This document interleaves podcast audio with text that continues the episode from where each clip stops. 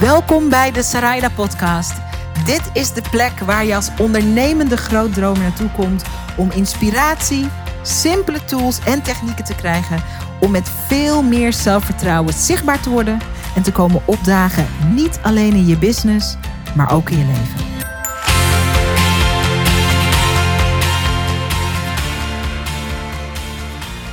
Een van de dingen die ik het meest kwalijk vind aan het grote mensen-ondernemerslandschap is dat er over het algemeen, niet bij iedereen, niet bij alle mensen, ehm, zo'n soort sfeer kan hangen onder uh, ondernemers die al een paar jaar bezig zijn, of die succesvol zijn, of die al uh, verschillende business hebben opgezet, dat ze bijna geen fouten meer maken.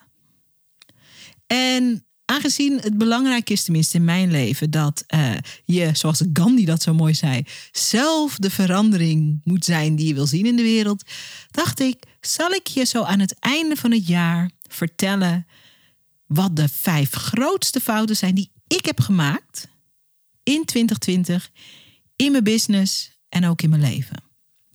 Zelf vind ik het altijd super inspirerend als juist ondernemers waarbij ook heel veel goed gaat. Er is heel veel goed gegaan dit jaar in mijn business. Ondanks dat het een ongelooflijk pittig en zwaar jaar was voor ondernemers. 2020 was echt die I'm kicking your ass en kijk maar of je niet doodgaat jaar. Toch voor ondernemers. Um, bij ons is er zakelijk ongelooflijk veel goed gegaan. Uh, ik ben daar trots op. Ik voel daar soms ook in alle eerlijkheid ook een beetje dat ik denk, oh, ik zie zoveel ondernemers om me heen die ook heel hard hebben gewerkt. Uh, maar omdat ze um, veel minder online zaten, het heel zwaar hebben gehad. Sommige ondernemingen hebben het niet gered. Het lag natuurlijk ook aan in welke branche zat. Dus er zit ook wel een beetje een ongemakkelijk gevoel bij uh, dat het bij ons goed is gegaan. En tegelijkertijd gaat er natuurlijk ook in een jaar waarin er veel goed gaat, van alles fout. En in deze podcast neem ik je mee in de vijf grootste fouten die ik maakte. Uh, dit had ook de honderd grootste fouten kunnen zijn die ik maakte, of de veertig grootste fouten. Want als je in eerlijkheid uh, de blik naar binnen richt, zie je altijd dingen um, die niet goed gaan. En de kans is en de uitnodiging is, en daarom vind ik het ook echt leuk om deze podcast op te nemen en om deze fouten met je te delen, is dat die fouten zijn allemaal groeikansen. En een van de dingen die ik van mijn mentor leer, is um, de grootste fout die je kan maken, of het grootste probleem wat je kan hebben, is de misvatting dat je geen problemen zou mogen hebben in je business of in je leven. Dat slaat nergens op, want eigenlijk zeg je daarmee van ik, ik, ik uh, hoef geen uh, ontwikkeling meer of ik wil geen groei meer in mijn business en in mijn leven. En ik ben iemand die graag leert.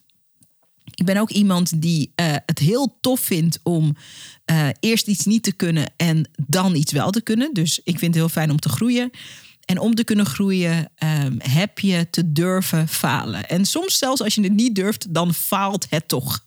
Tenminste, dat is mijn ervaring. Dus of, het nou, of je nou durft of niet, als je nieuwe dingen probeert, dan zal je falen. En um, deze aflevering is er om met je te delen de dingen die ik niet goed heb gedaan in 2020.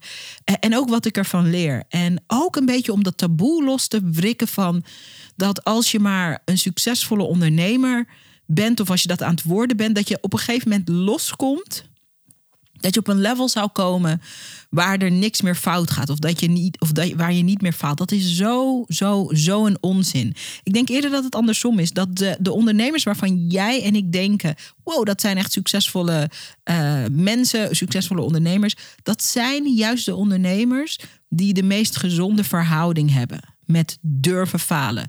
Fouten durven maken om bepaalde dingen heel goed te laten gaan, moeten er ook, moet je durven uh, dingen die je nog niet eerder deed te doen. Je moet durven experimenteren, je moet durven uit de box, out of the box te gaan en daar hoort falen gewoon bij. Dus met dat in het achterhoofd, it's about to get ugly.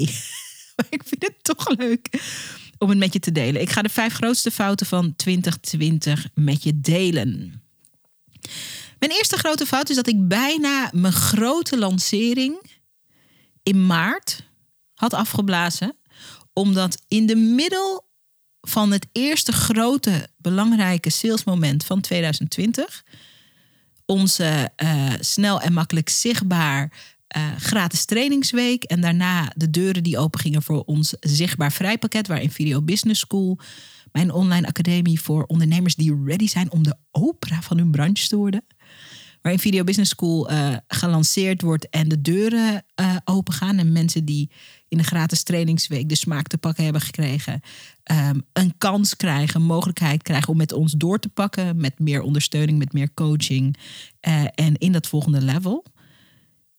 Die dat hele project had ik bijna afgeblazen, omdat we voor het eerst in de geschiedenis van onze tijd iets heel vreemds meemaakten. Namelijk die eerste lockdown. Ik neem je even mee terug in de tijd. Het is begin 2020. Ik heb grootste dromen, grootste plannen voor wat we met de business willen neerzetten in 2020. Ik heb een heel groot idee van het aantal mensen dat ik wil helpen, de kwaliteit en de mate waarin ik ze wil helpen. En ik heb het hele team aangestoken in die grote visie van dit wordt ons jaar waarin we meer mensen dan ooit gaan helpen. De eerste maanden van het jaar zijn we volledig bezig. Naast dat we natuurlijk de podcast maken, naast dat we de nieuwsbrieven uh, uitsturen, naast dat we de bestaande klanten helpen, zijn we bezig met de aanloop naar um, dat moment dat we de deuren van Video Business School weer opengooien. Voor als je wat meer weet over online marketing, dan weet je dat um, voor zo'n groot avontuur, zo'n groot online event, want dat is eigenlijk wat het is. Uh, een lancering, uh, dat je daar weken, maanden mee bezig kan zijn om dat goed voor te bereiden. En misschien dat ik een keer een andere aflevering doe over hoe die voorbereiding daaruit ziet. Uh, ze noemen dat in Amerika de runway, dus de aanloop. En net een vliegtuig wat opstijgt moet ook eerst zeg maar tempo vergaren op de vloer. En dan kan dat grote bakbeest pas de lucht in. Nou, met een goede lancering werkt dat ook zo. Maar we waren dus al maanden bezig met de voorbereiding. De energie zat erin. We wisten dat we heel veel mensen gingen helpen met onze gratis trainingsweek. En dat we ook een groep daarvan mochten verwelkomen uh, in, uh, in onze opleiding. En dat is bij ons altijd een heel enthousiast, um, ook wel kortsachtig, want we zijn dan heel hard aan het werk. Maar het is een heel enthousiast gegeven van wow, we mogen mensen gaan raken met, uh, met het mooie werk dat we doen. Nou, toen corona. Was een van die mensen die dacht toen dat nog een beetje zo alleen in China um, speelde, dacht ik, nou, komt wel goed. Het komt wel goed. Oh, nou ja, toen toch ook wel Europa, uh, Nederland, uh, oh, de hele wereld. Uh, een situatie zoals we die niet eerder hadden meegemaakt. En in de week dat we onze gratis trainingsweek hadden, zaten we ineens midden in een lockdown. En het was die eerste lockdown. Hè? Ik neem dit op, uh, deze podcast ten tijde, ten tijde van de tweede lockdown. Daarover een andere keer meer. Um, maar het was die lockdown die ons zo overviel en overspoelde als het ware als een tsunami. Um, we wisten allemaal niet wat we konden verwachten. Uh, de scholen dicht. Dat is nu ten tijde van deze tweede lockdown ook weer zo. Kinderdagverblijven dicht. Uh, de winkels, de, de winkels dicht. Um, de supermarkten de hele tijd leeg. Nergens toiletpapier. Like, what the hell is happening to the world? En mijn eerste neiging, en dit is uh, een fout die veel ondernemers bewust en onbewust maken. En ik dus ook. Mijn eerste neiging, die ook heel menselijk is hoor, was om in paniek te schieten. Bevriezing. Oh my god, oh my god, oh my god, alles is onzeker. Oh my god, wat gaan we doen? Dankzij mijn eigen omgeving van uh, steun en van coaching. Ik ben ook iemand die altijd gecoacht wordt. Ik ben daar ook heel trots op. Ik spendeer heel veel van uh, um, mijn eigen omzet ook weer in ontwikkeling, in opleidingen, maar ook in coaching. We zijn altijd aan het groeien, altijd aan het ontwikkelen. Uh, maar mijn eigen coach, die bracht mij eigenlijk met een paar heel goed gemikte vragen weer terug bij datgene waar ik me op te focussen had. En hij zei ook tegen mij: Wat is er gebeurd met al dat enthousiasme om mensen te helpen? Ik zei: Enthousiasme? Waar heb je het over? Hij zei: dat enthousiasme waar je al maanden in aan het werk bent om een verschil te maken, om mensen te helpen, om die trainingsweek uit te rollen, om mensen gratis te helpen en daarna de deur open te zetten naar um, de betaalde opleiding voor de mensen die dat interessant vinden. Hè, even wat context. Als je um, een van de dingen die zo cool is aan op deze manier lanceren, is dat je heel veel mensen kan helpen. Ook mensen die nooit jouw klanten zullen worden. Uh, en een klein gedeelte van die grote groep mensen die je helpt, in dit model wat wij aanhangen, ons lanceermodel, ze noemen dat het freemium model, daar kan je wat dingen over googlen. Um, een klein gedeelte daarvan voelt in zijn hart, en voor, hen en, voor hem en voor haar is dat ook het juiste moment, om te zeggen, ja maar ik wil meer, ik wil verdieping, ik wil extra coaching, ik wil extra ondersteuning. Maar dat is een klein percentage. En dat weet je ook. En daar ben je helemaal lang mee. Ik ben daar helemaal oké mee. En een groot gedeelte, um, die is er nog niet klaar voor. Maar die kan je een fantastische experience geven. Dus mijn coach die vroeg aan mij van wat, wat is er gebeurd met dat hart van jou dat overliep? Van wat fijn dat we dit kunnen gaan creëren voor een hele grote groep mensen. Die inspiratie, dat avontuur waar we ze mee, uh, mee in en opnemen. Ik zo, uh, uh, weet niet. En mijn coach die zei, um, je hebt je focus terug te brengen naar dat. Want dat is de kern van je business. Voor mij was het zo dat om die focus terug te brengen, moest ik zeg maar die, die doemscenario gedachten die de hele dag door mijn hoofd gierden. Oh my god. Uh, uh, we, zitten in lockdown, alles is onzeker. Natuurlijk wil niemand wat kopen. Um, iedereen gaat failliet. Uh, weet ik veel wat. Al die gedachten die je denk ik uh, misschien ook wel eens hebt gehad rond die tijd. En misschien heb je die op dit moment. Even parkeren en terug naar wat is mijn intentie met mijn bedrijf. Uiteindelijk heb ik het hele team meegenomen in de intentie. Jongens, en dat is wat een leider ook te doen heeft. Jongens, we weten niet what the hell is happening. Maar we weten wel waarom wij hier zitten. En er werken heel veel vrouwen bij mijn team. En we zijn een virtueel team, dus wij werkten al thuis. Maar ineens waren iedereen's kinderen thuis. En ook iedereen's mannen. Nou, even een andere situatie.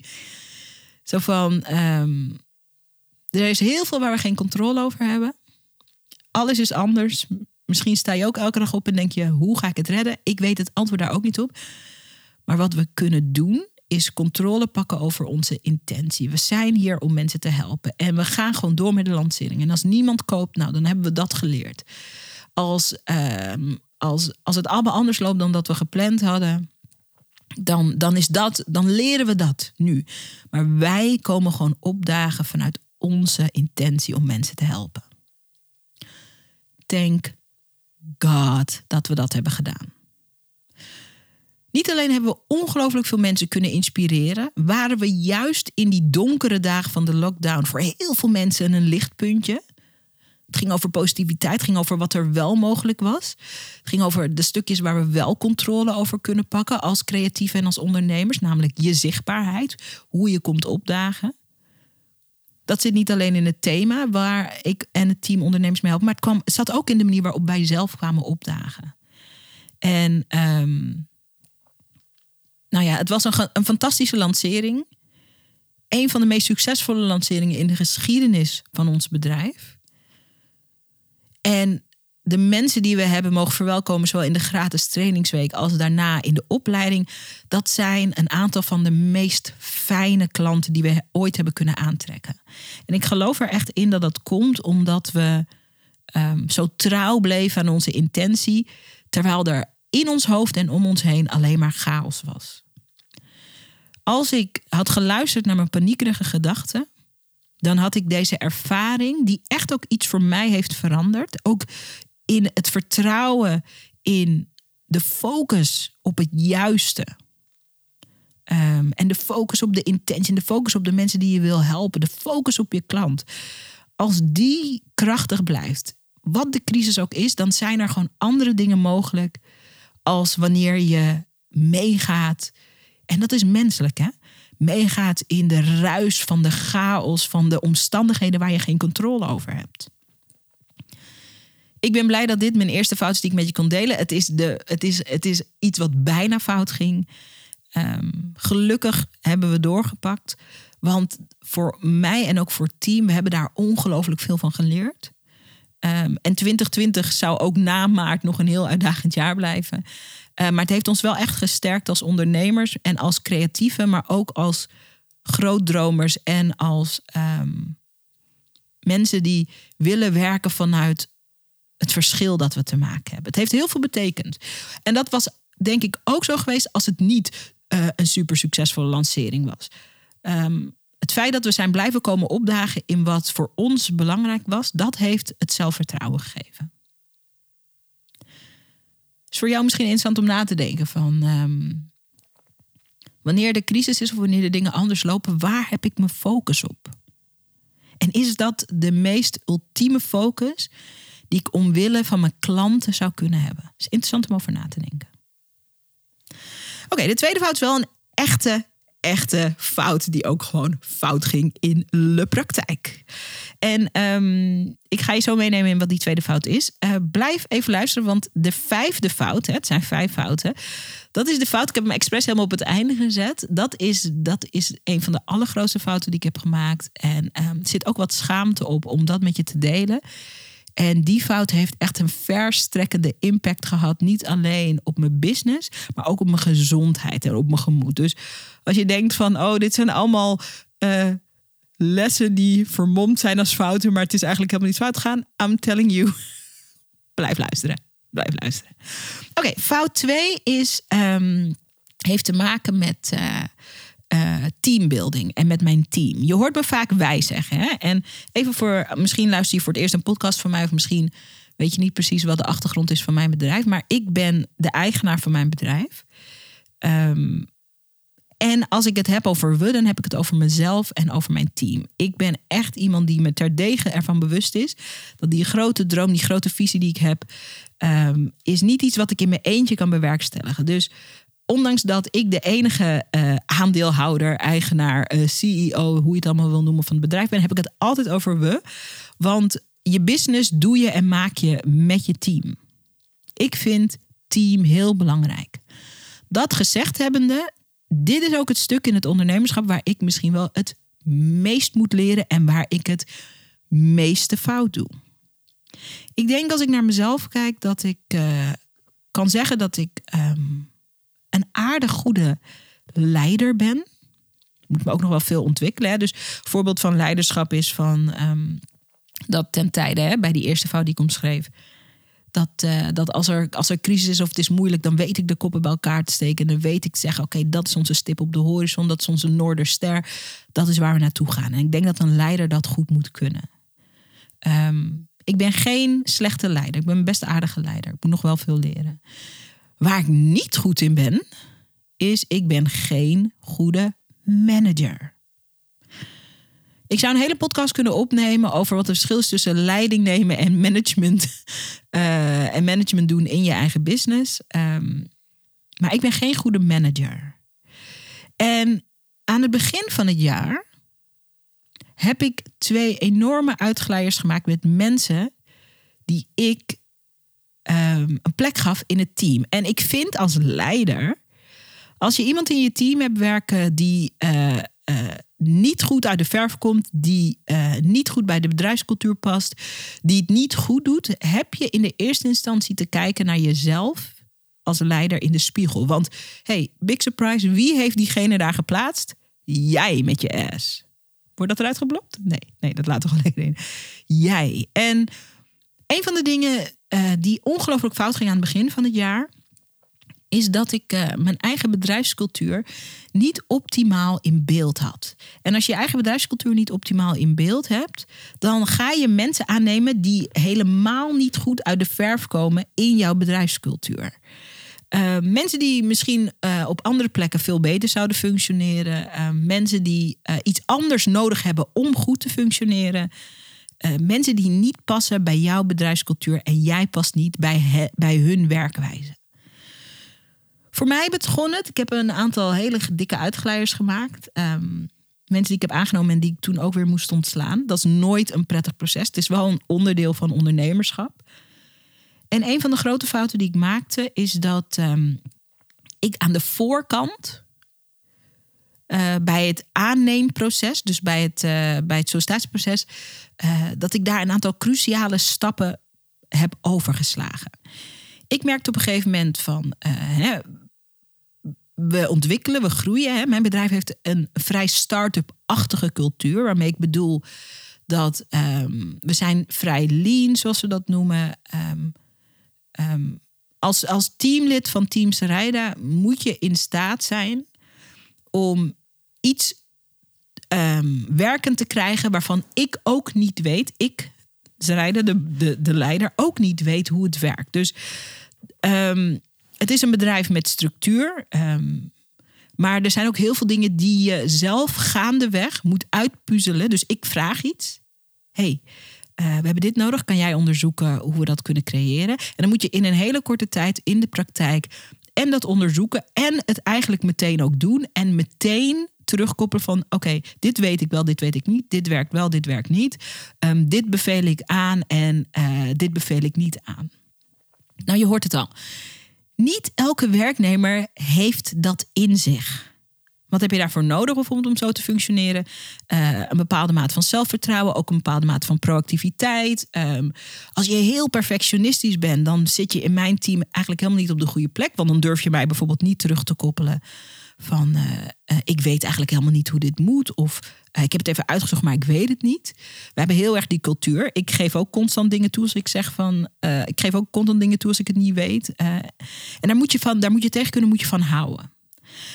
Nu kan ik je heel makkelijk vertellen tegen jou, je bent dit aan het luisteren, dat dit onderdeel is van onze bedrijfscultuur. We zijn een, een team van makers, van creators, van doeners en van mensen die in de praktijk willen leren.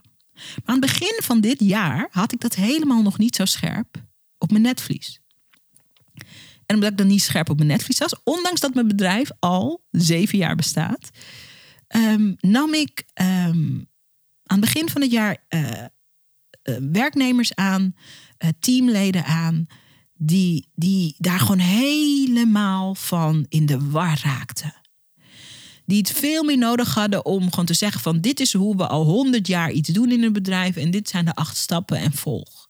En er is niks mis mee, want er zijn tal van bedrijven waarin je op die manier aan het werk wordt gezet. Maar bij ons is het meer zo van: oké, we springen uit deze boom en we moeten eigenlijk onder, op weg naar beneden moeten we het vliegtuig bouwen of de parachute bouwen. Wie vindt dat leuk? Wie heeft daar zin in? Alle mensen die nu in het team zitten, die vinden dat leuk. Die kunnen daar hun creativiteit en hun ei in kwijt. En ik ben iemand die dat ook leuk vindt. Goed. Aan het begin van het jaar had ik mijn bedrijfscultuur niet zo goed op uh, in het vizier. En aan de voorkant testte ik eigenlijk veel te weinig of iemand daar bestand tegen was. Uh, wat heeft dat gecreëerd? Um, dat er mensen in het team hebben gewerkt die, en ik geloof dat echt op een andere plek veel beter uit, hun, uh, uit de verf zouden komen. Uh, maar die bij ons helemaal echt slecht gingen presteren. Uh, nou ja, wat gebeurt als een teamlid slecht presteert? Dan moeten we daar gesprek over hebben. Uh, soms vloeien er tranen, frustratie. Um, en uiteindelijk tot de conclusie komen van het werkt niet. Wat ik ervan geleerd heb, is uh, dat ik in de eerste instantie eerlijker moest zijn naar mezelf. Ik heb ook wel eens ja gezegd tegen teamleden waarvan ik dan in mijn onderbuik dacht: nee joh. Uh, ook afgelopen jaar hoor. Um, dus de les die ik eruit haal is: ik moet zelf veel meer mijn onderbuik volgen. Maar ik moet ook veel beter aan de voorkant checken. Pas je bij wat wij doen? En niet van tolereer je dat, uh, maar do you love it? Do you love it dat alles gecreëerd kan worden, alles gemaakt kan worden, dat je je stempel kan drukken, dat je een verschil kan maken. Do you love it? Als je dat loved en je bent goed in je werk, dan zit je bij ons helemaal op je plek. If you don't love it, omdat je gewoon wil horen wat je moet doen um, en uh, je dus veel meer um, veel meer bestaande structuur nodig hebt. Het een is echt niet beter dan het ander, het is gewoon anders. Dan, uh, dan, past, het, uh, dan past het minder goed. Um, wat ik uh, daarvan geleerd heb, is dat je een aantal dingen kan doen die helpen. Misschien voor jou als je een eerste teamlid wil aannemen of een V1 virtual assistant of je gaat je twaalfde teamlid aannemen, maakt niet uit. Uh, een test die wij nu doen, een persoonlijkheidstest bij alle nieuwe mensen, uh, is de Myers-Briggs test. Het is gewoon een test die je gratis kan doen op het internet, duurt 12 minuten. En dan krijg je een mega uitgebreid profiel van wie je bent, hoe je in elkaar zit, um, hoe je op de werkplek bent, hoe je gestimuleerd wil worden, hoe je wel of niet om kan gaan met kritiek. ehm, wat je belangrijk vindt in je werk. Wat je belangrijk vindt in je privéleven. Wat voor soort vriendschappen je hebt. Klinkt heel gek dat je dat in 12 minuten kan eh, achterhalen. Maar die Myers-Briggs is echt halleluja. En wat we nu doen in het bedrijf is dat we... ehm, ik heb allereerst een liefdesbrief geschreven over wat de bedrijfscultuur is. Ehm, ik laat nieuwe teamleden een Myers-Briggs test doen. Ik heb zelf natuurlijk ook een Myers-Briggs test gedaan. Dan gaan we met die liefdesbrief en die twee eh, persoonlijkheidsprofielen ga ik zitten. Soms virtueel. En als het weer kan, eh, afgelopen jaar kon je ook een paar keer live met elkaar zitten. Ehm, kop koffie erbij. En dan gaan we gewoon praten over onze karakters. En het klinkt heel weeg, maar oh my god, wat werkt het goed. Omdat eigenlijk kan je daar meteen ontdekken van, past het? Niet alleen van, pas jij bij ons bedrijf, maar ook passen we bij elkaar. Dus die Myers-Briggs test, dus Myers-Briggs, ik zal het even spellen, M-Y-E-R-S. En dan B-R-I-G-G-S, Myers-Briggs. Het is echt zo interessant, ook voor je relatie, man. Voor iedereen met wie je chillt. Check dit. Ehm, kijk of je het bent voor elkaar. Twee dingen wat we ook zijn gaan doen is dat we meer zijn gaan werken met case studies. Dus in plaats van dat iemand vertelt wat hij goed kan, eh, eh, dat, we, dat we een opdracht maken. Vaak is dat een opdracht die ook echt speelt op dat moment in het bedrijf. Eh, en dat we zeggen, hoe zou jij dit aanpakken? En daar komt ook heel veel helderheid in terug. Niet alleen hoe iemand de opdracht maakt, maar ook de communicatie rond de opdracht. Ehm, het geeft al heel veel aan van, oh ja, dit gaat goed werken. Of oh, dit gaat eigenlijk helemaal niet goed werken. Ja, dat. En de liefdesbrief. We hebben echt een manifest geschreven. Het is echt, sommige mensen, ik weet zeker dat als sommige mensen dat lezen, het gaat over hoe, wat we zijn voor elkaar. Hoe we sommige mensen moeten zeker over hun nek. En andere mensen denken, dit is waar ik mijn hele leven op heb gewacht. En dat wil je. We hebben ehm, die bedrijfscultuur heel duidelijk uitgesproken nu. En samen met die Myers-Briggs en met die case studies kunnen we nu veel makkelijker kunnen we de juiste teamleden vinden.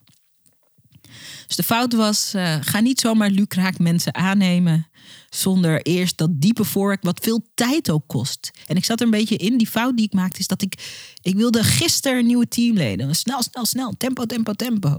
En ik nam niet de tijd en de moeite. Ik begon ook te laat met zoeken. Dat is vaak ook een probleem wat veel ondernemers hebben. Dat je veel te laat bent begonnen met zoeken. En tegen de tijd dat je je realiseert dat je iemand nodig hebt, dan moest je gisteren iemand hebben. En eigenlijk zit je dan al helemaal op het verkeerde spoor. De les is om eigenlijk altijd, ook als je nu nog nul budget hebt voor team, om altijd in gesprek te zijn met mogelijke mensen die mogelijk kunnen aanhaken. Dat is het verschil tussen eh, goed leiderschap en, en matig leiderschap, of helemaal niet echt leiderschap. Dat je altijd met één been in de toekomst kijkt naar wie zou ons in de toekomst kunnen versterken. En dat je daar tijd voor maakt.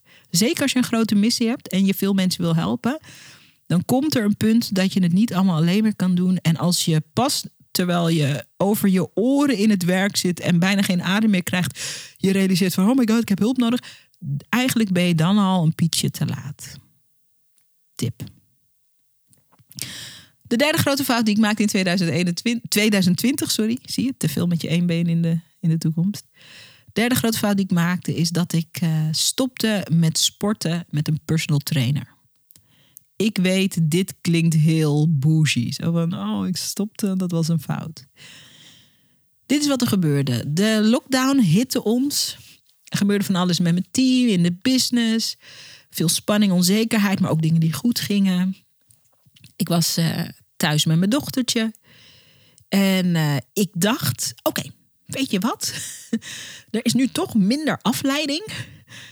Ik ga gewoon zelf sporten. Want zeker in het begin, toen de sportscholen ook dicht gingen, um, lag dat ook even stil. En ik dacht, weet je wat, als we straks wel weer kunnen sporten, dan ga ik gewoon zelf sporten. Uh, ik heb inmiddels zoveel geleerd van de personal trainer dat ik kan het nu zelf. Op papier klinkt het niet als een fout, maar in de praktijk was dit een mega fout. Want een van de redenen dat ik een personal trainer heb, had, nu dus binnenkort weer heb, is dat ik in mijn drukke leven, um, waarin ik heel makkelijk vergeet om voor mijn gezondheid te zorgen. En over gezondheid ga ik straks nog iets anders met je delen, vind ik ook best wel spannend. eh, dat wat ik kocht eigenlijk bij die personal trainer is dat ik mijn wilskracht over ga ik nou vandaag werken aan mijn gezondheid, werken aan mijn lijf, want dat is wat je met een personal trainer doet of niet. Die wilskracht om steeds te kiezen voor ja, vandaag ga ik werken, die besteed ik eigenlijk uit aan mijn personal trainer, zodat het niet meer afhankelijk was van of ik dan vandaag ook weer had besloten of ik het ging doen. Nee, doordat ik die afspraken met die personal trainer had, ehm, stond dat gewoon op de agenda en was het gewoon een soort buitenkijf situatie. Nou, tijdens de lockdown en vlak daarna dacht ik, nou, ik ga het gewoon lekker zelf doen. Ehm, en wat daar niet goed aan was, is dat juist in een jaar waarin je, waarin er veel van je gevraagd wordt, mentaal, emotioneel, uh, als, als, als vrouw, als moeder, eh, in je business, gewoon als mens. Het was gewoon een best wel een taxerend jaar voor ons als mensen. Heb je juist te investeren in je gezondheid.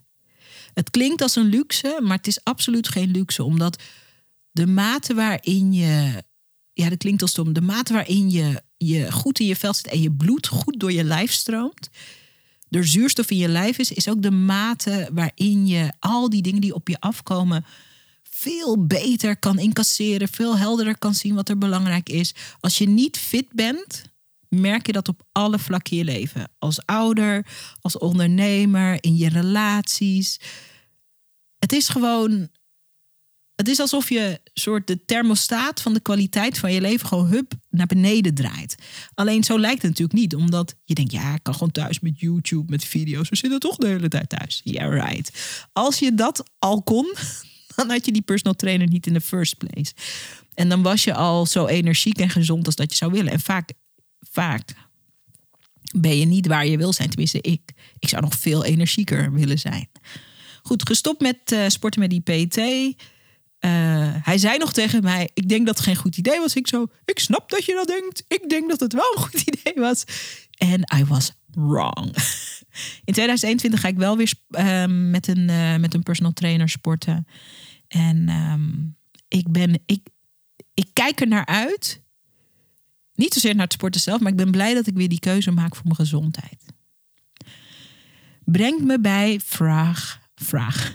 Breng me bij de vierde fout die ik heb gemaakt. Die heeft te maken met gezondheid. Ik vind het ook spannend om hierover te delen. Um, maar ik denk dat het wel heel waardevol is om het te delen. En het is gewoon ook waar. dus dus uh, um, ja, deze podcast is er ook om, om waarheid te brengen uh, op die thema's die ik in elk geval leuk en belangrijk vind. Zichtbaarheid, ondernemen, um, moederschap. Uh, gewoon komen opdagen in business en leven in al die facetten. En um, ongeveer tijdens dat ik uh, voor de eerste lockdown, toen ik nog sportte met mijn personal trainer, toen um, um, merkte ik dat, dat ik um, niet optimaal in mijn vel zat. Ik zit even zo, ik zoek naar mijn woorden hoor, omdat ik ook weer niet, I don't want to TMI you, niet veel informatie. Ik wil niet overspoelen met details, maar ik merkte dat er iets niet goed zat in mijn lijf, laat ik het zo zeggen. Um, naar de huisarts, toen naar het ziekenhuis, naar het ziekenhuis, een keer s'nachts naar het ziekenhuis. En met mijn personal trainer had ik uh, wel besproken, ik zei van, uh, het is hartstikke goed dat we trainen, we moeten wel iets rustiger trainen, want er is iets mis, maar we, we weten nog niet wat. En eigenlijk is het zo, ook nadat ik stopte met PT, daarom is het dus extra dom dat ik was gestopt met personal training, maar goed. Um, eigenlijk heeft het hele jaar doorgesluimerd dat ik allerlei onderzoeken moest doen omdat er iets niet goed was. En voor ieder ander die dit ook heeft meegemaakt, 2020 was echt een slecht jaar om gebruik te moeten maken van het ziekenhuis. Want er was zo weinig ruimte voor alles wat niet corona was. En ik ben wel heel dankbaar en heel blij dat ik ondanks die beperkte beschikbaarheid toch ook terecht kon. Um, maar dit is ook wat spannend was aan, uh, aan 2020. En, en ik zeg dat niet vanuit een soort verwijt, echt helemaal niet. Want ik weet, iedereen doet het zo goed als ze kunnen. Um, en ik, ik heb ook heel veel respect voor um, de mensen in het ziekenhuis werken. En die ook maar gewoon even die hele situatie in hun maag gesplitst kregen. En al maanden daarmee moeten dealen. wat het voor mij creëerde was dat het heel veel onderzoeken en wachten. En onderzoek en wachten en onderzoek en wachten. En toen. ehm, je denkt, wat is dan de fout? Dit is gewoon gebeurd. Ik ga zo naar de fout toe. Uiteindelijk in, het, eh, in, in Q3 van 2020, dat is echt ondernemerstaal. Q3, het derde kwartaal van 2020. Eh, dat was voor mij de spannendste tijd. Ik had toen, eh, ik moest weer terugkomen voor onderzoeken. En toen, toen voor de volledigheid ehm, werden er ook wat onderzoek gedaan voor kanker. En ik weet niet of je dat ooit hebt meegemaakt, maar als je tegenover een dokter zit en een dokter spreekt het K-woord uit aan je, dan, ik weet niet, dan gebeurt er iets in je, in je lijf of in je, nou ja, ik weet niet, het werd mij in elk geval even zwart voor mijn ogen. Mijn, eh, mijn vader die is eh, in 2014 overleden aan kanker. En ik ben heel. eh, in de laatste fase van zijn leven woonde hij bij mij in huis. Dus wat er eigenlijk gebeurde was: de dokter zei: We gaan dat dan toch even ook onderzoeken. Misschien is dat het. En ik zag alleen maar ineens nog mijn vader, die tegen het einde van zijn leven nog maar 37 kilo woog. En ik, dus ik zat heel. En ik zag alleen maar dat. En ik moest denken aan mijn kind. En ik ging echt in een diepe staat van een soort shock. Ik dacht, oh my god. En nu komen we bij de fout. Die wederom fout is heel, heel cru om dat zo te benoemen. Maar het, het is iets wat ik nu anders zou doen. Het was zo een heftig bericht. Uiteindelijk, even spoiler, uiteindelijk eh, allerlei onderzoek gedaan. En daar kwamen alleen maar... Dat, dat, dat is heel goed gekomen. Dat, dat bleek het uiteindelijk gelukkig niet te zijn. Ehm, maar ik was zo in een soort shock. Ik ging in een automatische survival mode. En wat dat heeft gecreëerd, is dat ik eigenlijk maar aan twee mensen of drie mensen om me heen heb verteld van dit speelt. Ook omdat ik bijvoorbeeld eh, wilde mijn familie niet ongerust maken en dat soort dingen. Ik denk dat veel mensen dit wel herkennen. Ehm, maar ik ging helemaal op slot eigenlijk. En dat is heel unlike me. Ik ben meestal iemand die juist, eh, ook als dingen heel goed gaan, maar ook als dingen minder goed gaan, juist ook de tribe, de familie erbij betrekt. Mijn mensen. Eh, voor die ondersteuning, maar ook om niet eenzaam te zijn en ook om mensen niet buitenspel te zetten. Hè? Ik heb het over mijn binnenring. Ik heb het niet over iedereen in de wereld, maar ik heb het over mijn binnenring. Maar dat nu lukte dat deze keer niet. Ehm, en ook in eh, de mastermind, waar ik een onderdeel van ben, waarin eh, ook iemand anders, twee, ja, twee andere mensen ook al eerder met een enorme gezondheidscrisis eh, hadden gekampt en daar eerlijk over werden. En dat ik ook had kunnen zien van, goh, wat een ondersteuning is er vanuit die groep. Heb ik gewoon allemaal nee tegen gezegd mentaal. Ik was helemaal op slot in mijn survival mode. En, en dat is de fout die ik heb gemaakt. Dat ik in mijn angst helemaal dicht ging. Wederom supermenselijk. En ik heb mezelf daarmee een enorm, enorm eh, stuk ondersteuning ontzegd. En ehm, uiteindelijk kwam het goed. Maar toen merkte ik dat het ook weer moeilijk was om sommige van die deuren die ik zelf zo had dichtgegooid. Zo van nee, ik, ga, ik doe het wel alleen. Om die deuren volgens weer open te zetten. En dat is wat er enorm zonde aan is. Ehm, dit is voor iedereen anders. Hè? Dit is mijn persoonlijke verhaal. Dat betekent niet van. eh, misschien zit je precies in dezelfde situatie. En misschien voelt het voor jou helemaal oké om te zeggen van ik moet gewoon even onder de grond kruipen of in mijn hol kruipen en even zelf verwerken. Dat iedereen heeft zijn eigen proces. Maar ik heb mezelf ehm, echt veel hulp ontzegd. En ik heb bepaalde deuren ook dichtgesmeten die ik daarna heel moeilijk open kreeg. Ik weet niet of dat vaag is, maar ik denk dat je, als je iets van hiervan herkent, was nou, dat zou ik deze keer anders doen. Ik zou het niet aan de grote klok hangen, maar ik zou wel met een aantal belangrijke key people eh, het toch opengooien. Gewoon met mijn angst en gewoon met. eh, ik had me, ik zou, ja, ik zou mezelf meer openstellen voor hulp. Eh, ook omdat dat uiteindelijk de relatie met die ander ook ten goede komt. Als jij zeg maar verdwijnt op het moment dat het moeilijk is, in eerste instantie voor jezelf, maar ook voor die ander, dan, dan tast dat ook het vertrouwen van die relatie aan. Dus ehm, ja, dat heb ik daarvan geleerd. Harde leerles wel. en uh, uh, ik denk dat. Uh, is denk ik een les die, die de komende, of de rest van mijn leven eigenlijk wel meeneem. Van, veel van wat je ook voorbij hoort komen in de podcast is uh, durf kwetsbaar zijn, durf open te zijn, durf te komen opdagen met wat er is.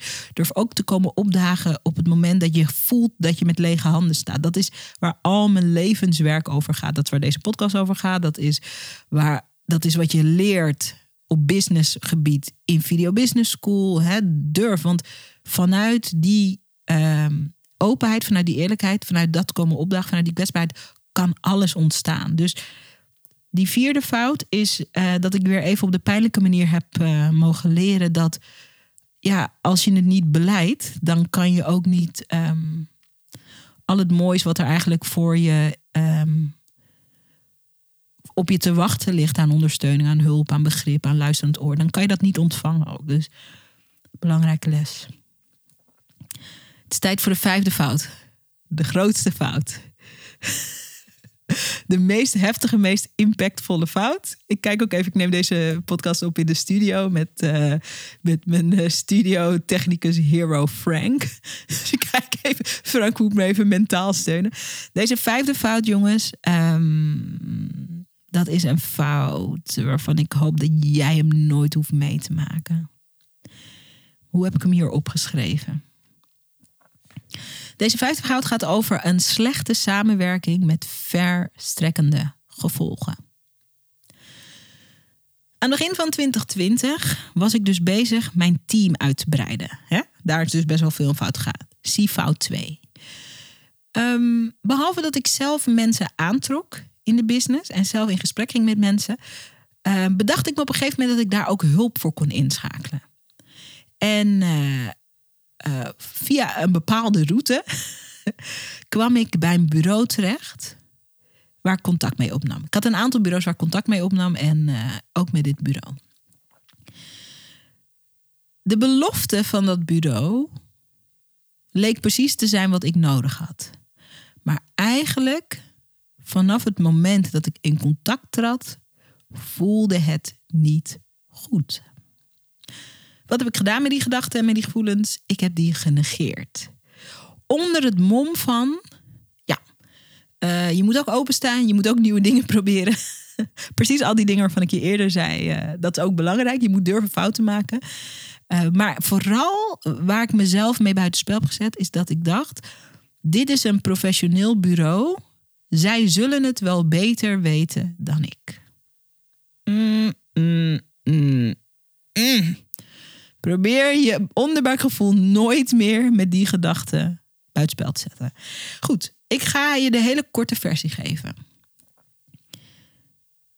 Um, eigenlijk voelde ik al heel vroeg van ik wil eigenlijk niks met en in deze samenwerking. Uh, maar de andere partij was zo opdringerig ook. En ik dacht, nou weet je wat, hoe, ik dacht hoe hoe erg kan het zijn, dacht ik. Um, op een gegeven moment werden de kandidaten naar voren geschoven voor een bepaalde functie die wij hadden. En ik was eigenlijk helemaal niet gecharmeerd van, van geen van die kandidaten. Um, maar ik, en dit is een belangrijke les, jongens. Um, ik wilde niet, uh, ik wilde niet uh, vervelend overkomen. Dus ik had toen nog een gesprek aange, aangekaart en dat ik zei van... hé, hey, Um, ik vond dat er bij in een van de gesprekken met, uh, met een van die kandidaten iets heel kwalijks gebeurde. Die, zat, uh, die kandidaat zat een, een oude werkgever af te bekken, maar dat uh, was een bekende werkgever. Ik dacht, wow, dat is echt totaal niet chic. Dus ik had dat teruggegeven aan het bureau. Ik zeg van, hé, hey, um, dat komt eigenlijk helemaal niet netjes over. En um, als, als iemand die jij naar voren schuift zo zo slecht praat over een bekend iemand uh, waar die persoon voor gewerkt heeft. En ik had dat zo heel zachtjes, zo een beetje schoorvoetend zo aangegeven. Um, en er werd meteen overheen gemaaid. Wat een onzin. Dat zou ze nooit zeggen. En dat was eigenlijk de enorme red flag. Want ik dacht, ik ga je toch niet zomaar mijn kostbare tijd besteden om dit. Uh... Maar goed, dus dat zijn allemaal, allemaal, er zijn allemaal red flags geweest. Waardoor ik had kunnen weten van deze partij heeft hele andere kernwaarden dan ik. Ze vinden hele andere dingen belangrijk. Um, ze zitten er heel anders in de wedstrijd. Um, lang verhaal kort. Uh, ik dacht, hmm, hoe erg kan het zijn? Misschien valt het wel mee. Met de persoon die ik het minst slecht vond in die gespreksreeks, um, ben ik toen een aantal gesprekken aangegaan en uiteindelijk hebben we iemand aangenomen. Ook daar weer de grote fout was. Ik wilde niet onaardig overkomen. En veel als je een vrouwelijke ondernemer bent. Oh my god, want veel vrouwelijke ondernemers hebben dit. De, wat je te leren hebt en wat ik ook te leren heb. En oh my god, ik heb het geleerd hoor. Is dat er is een verschil tussen bloedzakelijk zijn en onaardig overkomen. Ik had gewoon heel zakelijk uiteen kunnen zetten van het werkt niet voor mij om die en die en die reden, want er waren allemaal redenen. En in een vroeg stadium had ik ehm, betere keuzes kunnen maken. Uiteindelijk toch iemand uh, in het team verwelkomd. En I'm telling you, het was een complete shitshow. Oh my god. Niet meteen, maar wel echt meteen na een week al. En na twee weken zei ik: hier moeten we mee stoppen. En ik kan je vertellen, en nu als je denkt: oh, dit was een interessante les. Nee, nee. De fout moet nog komen. Na 2,5 week merkte ik van: hm, um, dit werkt eigenlijk toch voor geen meter. Uh, ik had uh, die. Uh, die medewerker echt betrapt op grove leugens in my face. Nou, als je mij op de kast wil hebben, moet je liegen. ik heb je net eerder verteld in de podcast dat we hebben een bedrijfscultuur van heel veel openheid. Als je iets niet weet, opengooien. Als je iets niet snapt, opengooien. Als iets fout gaat, opengooien. Ik doe dat zelf ook, omdat ik maak ook constant fouten. Als lerend leider. Dus als je mij op de kast wil krijgen, moet je in mijn face liegen, terwijl ik kan aantonen dat je liegt. Oh my god, ik dacht dat ik door het dak zou gaan. En ik was trots op mezelf dat ik zo vroeg had onderschept dat dit een rotte appel was. Was dit het einde van het verhaal? Hells to the no. Hells to the no. Nee hoor. Want nadat ik uh, mezelf een schouderklopje geef van... oké, nou, uh, ik had eigenlijk veel eerder moeten ingrijpen... maar ik grijp nog in uh, tijdens de proeftijd. Um, ik dacht, nou, dan, heb ik het, dan, dan is dat mijn les. Dat ik toch beter naar mijn onderbuik moet luisteren... en dat ik me sneller moet uitspreken. Maar dit is nog snel. Ik had dat uitgesproken. Ik had die samenwerking beëindigd. En toen kwam er één juridisch circus. Wat het hele jaar door heeft geduurd en tienduizenden euro's heeft gekost. Stond een vormfout in het contract. Helemaal mijn eigen verantwoordelijkheid. Piep, kleine vormfout. Helemaal eigen verantwoordelijkheid. En die partijen hebben het hele jaar. We wilden gewoon schikken. Oké, jongens, we hebben gemerkt het werkt niet. Uh, let's just all move on. En die hebben het hele jaar ons bestookt met juridisch geweld. Oh my god. Ik zou hier een hele aparte podcast over kunnen opnemen. Maar dat is echt, dat wil ik je niet aandoen gewoon. Ik dacht dat ik gek werd. Ik dacht, wie zijn deze mensen? En in wat voor, wat voor slecht toneelstuk ben ik beland? En wat ik er interessant aan vind, want je hoort het ook, hè? ik ben zo iemand. Ehm, ik ga er wel helemaal in, want dan denk ik, oké, dan ga ik nu ook echt, ik ga dan echt mijn lesgeld eruit halen. En uh, wat ik heb geleerd is, uh, de minute dat je je op een bepaalde manier laat behandelen door een, eh, een partij waarmee je samenwerkt. En daarom noem ik dat voorbeeld van toen ik iets teruggaf aan haar van hé, hey, uh, een van de personen die naar voren schuift, die doet iets heel onprettigs. Kijk daar even naar. En als iemand dan over je heen maait, dat is hoe mensen dan met je om zullen gaan. Dat is. Hè, Oprah heeft daar zo'n mooie uitspraak over. When people show you who they are, believe them the first time. Als mensen laten zien hoe ze in elkaar steken, neem het voor waar aan. Geloof het. Dus dat heb ik van geleerd. Luister naar je onderbuik, dat heb ik ervan geleerd. Als je voelt dat je iets moet stoppen, stop het. Dat heb ik ervan geleerd. En er is een hele wereld die losstaat van enige reden, van redelijkheid, van proberen het samen op te lossen en proberen op een normale manier ieder zijn weeg te gaan. En dat is de juridische wereld. En omdat ik nooit zoveel bezig was, ehm, omdat, om, omdat, omdat ik heel veel, ik werk heel veel vanuit vertrouwen. En ik werk heel veel vanuit uh, geven en nemen. En ik werk heel veel vanuit win-win. Dus dat zat helemaal niet op mijn netvlies. Dat je totaal onredelijk dingen kan uitvechten zo. Maar dat is wat deze fout en deze partij, deze partijen mij hebben geleerd. En ik ben wel heel dankbaar voor die les. Want um, ik weet nog dat het toen ik. Uh, uh, dus in combinatie, hè, doe even de context. Dus dit speelt, mijn gezondheid speelt op de achtergrond. Het is ook nog eens het raarste jaar voor ondernemers. Dus er stond best veel druk op me. En ik had een mooi gesprek over met mijn broer. En, mijn, en ik was heel erg verbolgen over. over um, over wat er gebeurde. En mijn broer die zei, dat vond ik zo interessant. Mijn broer zei, hé luister. Als jij een topatleet bent zit de kans erin dat je geblesseerd raakt. Is dat eerlijk? Nee. Hoort, hoort bij die tak van sport. Dat zijn de risico's die je neemt als je een topatleet bent.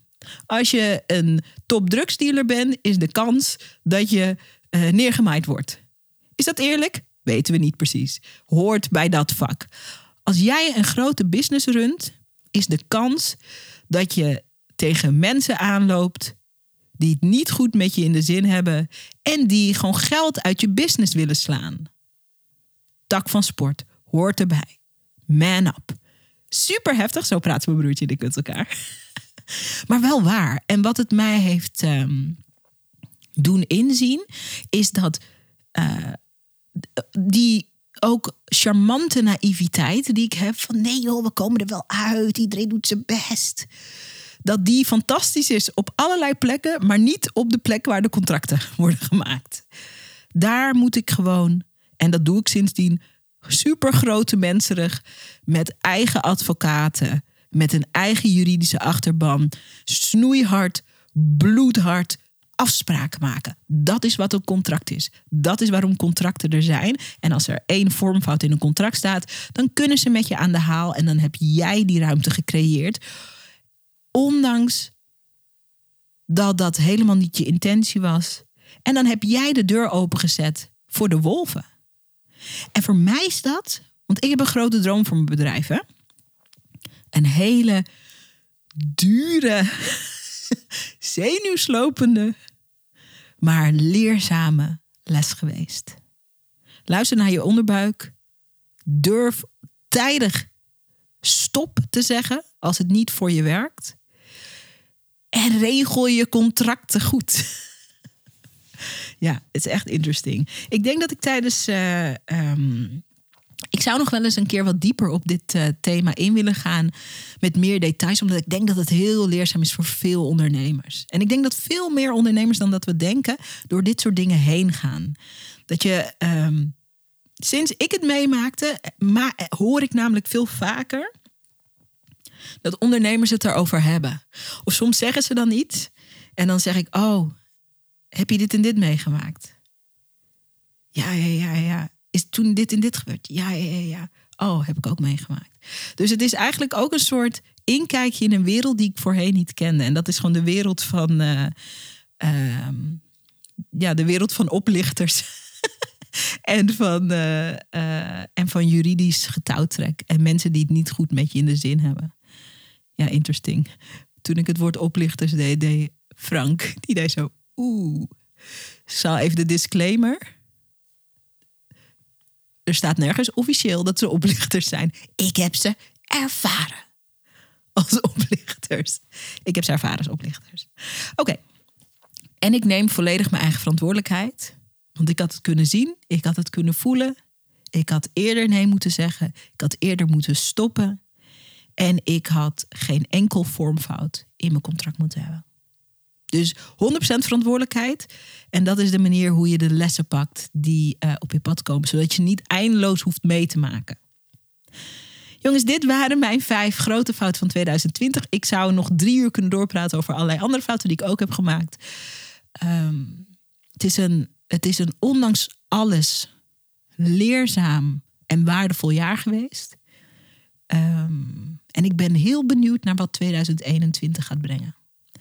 Ik ben benieuwd ook naar jou. Wat is de grootste leerles die op jouw pad is gekomen in 2020?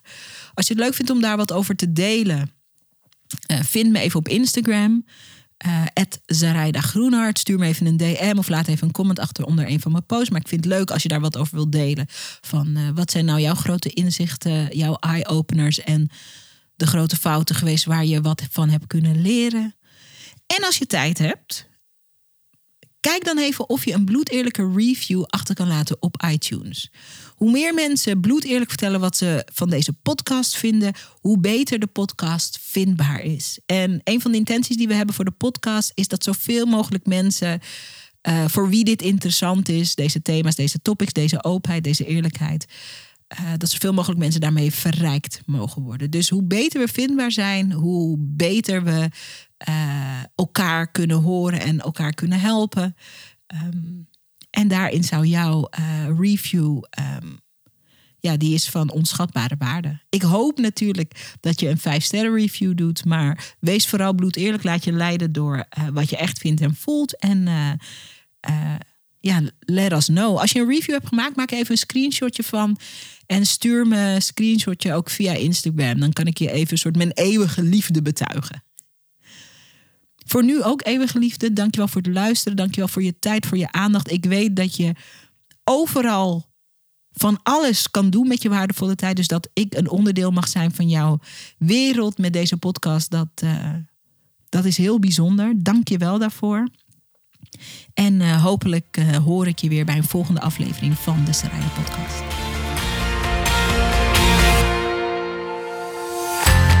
Tof dat je weer naar een aflevering van de Sarayda podcast geluisterd hebt. En ik ben benieuwd wat je beleefd hebt. De intentie van deze podcast is om je in te smeren, te bombarderen met good stuff, met goede inzichten, met goede verhalen, met goede inspiratie, zodat je in actie komt. En ik wil weten hoe je het beleefd hebt. Kom het me vertellen op Instagram. Ik heet gewoon Zaraida Groenart op Instagram.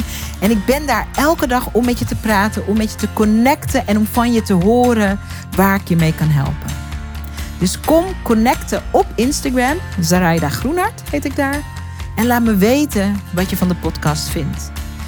En als je dan toch bezig bent, wil ik je ook meteen even een kleine favor vragen. Want om deze podcast bij miljoenen ondernemers bekend te laten worden, zodat we heel veel mensen kunnen inspireren en helpen. Want dat is natuurlijk mijn bescheiden intentie van deze podcast. Heb ik je nodig? Je zou me ontzettend helpen door een bloedeerlijke review op iTunes achter te laten over wat je van deze podcast vindt en of je er iets aan inspiratie uithaalt. Hoe meer reviews we hebben, goed of slechte reviews, maakt me ook bijna niet uit eerlijk gezegd, hoe meer mensen de podcast kunnen vinden. En ik ben nieuwsgierig naar wat we voor jou kunnen betekenen met de podcast. Dus als je een minuutje over hebt, zou ik het heel tof vinden als je je bloedeerlijke mening over deze podcast achterlaat op iTunes. Ik bedank je, ik bedank je, ik bedank je. En ik spreek je hopelijk snel op Instagram of ik hoor je bij een volgende podcast. Dankjewel.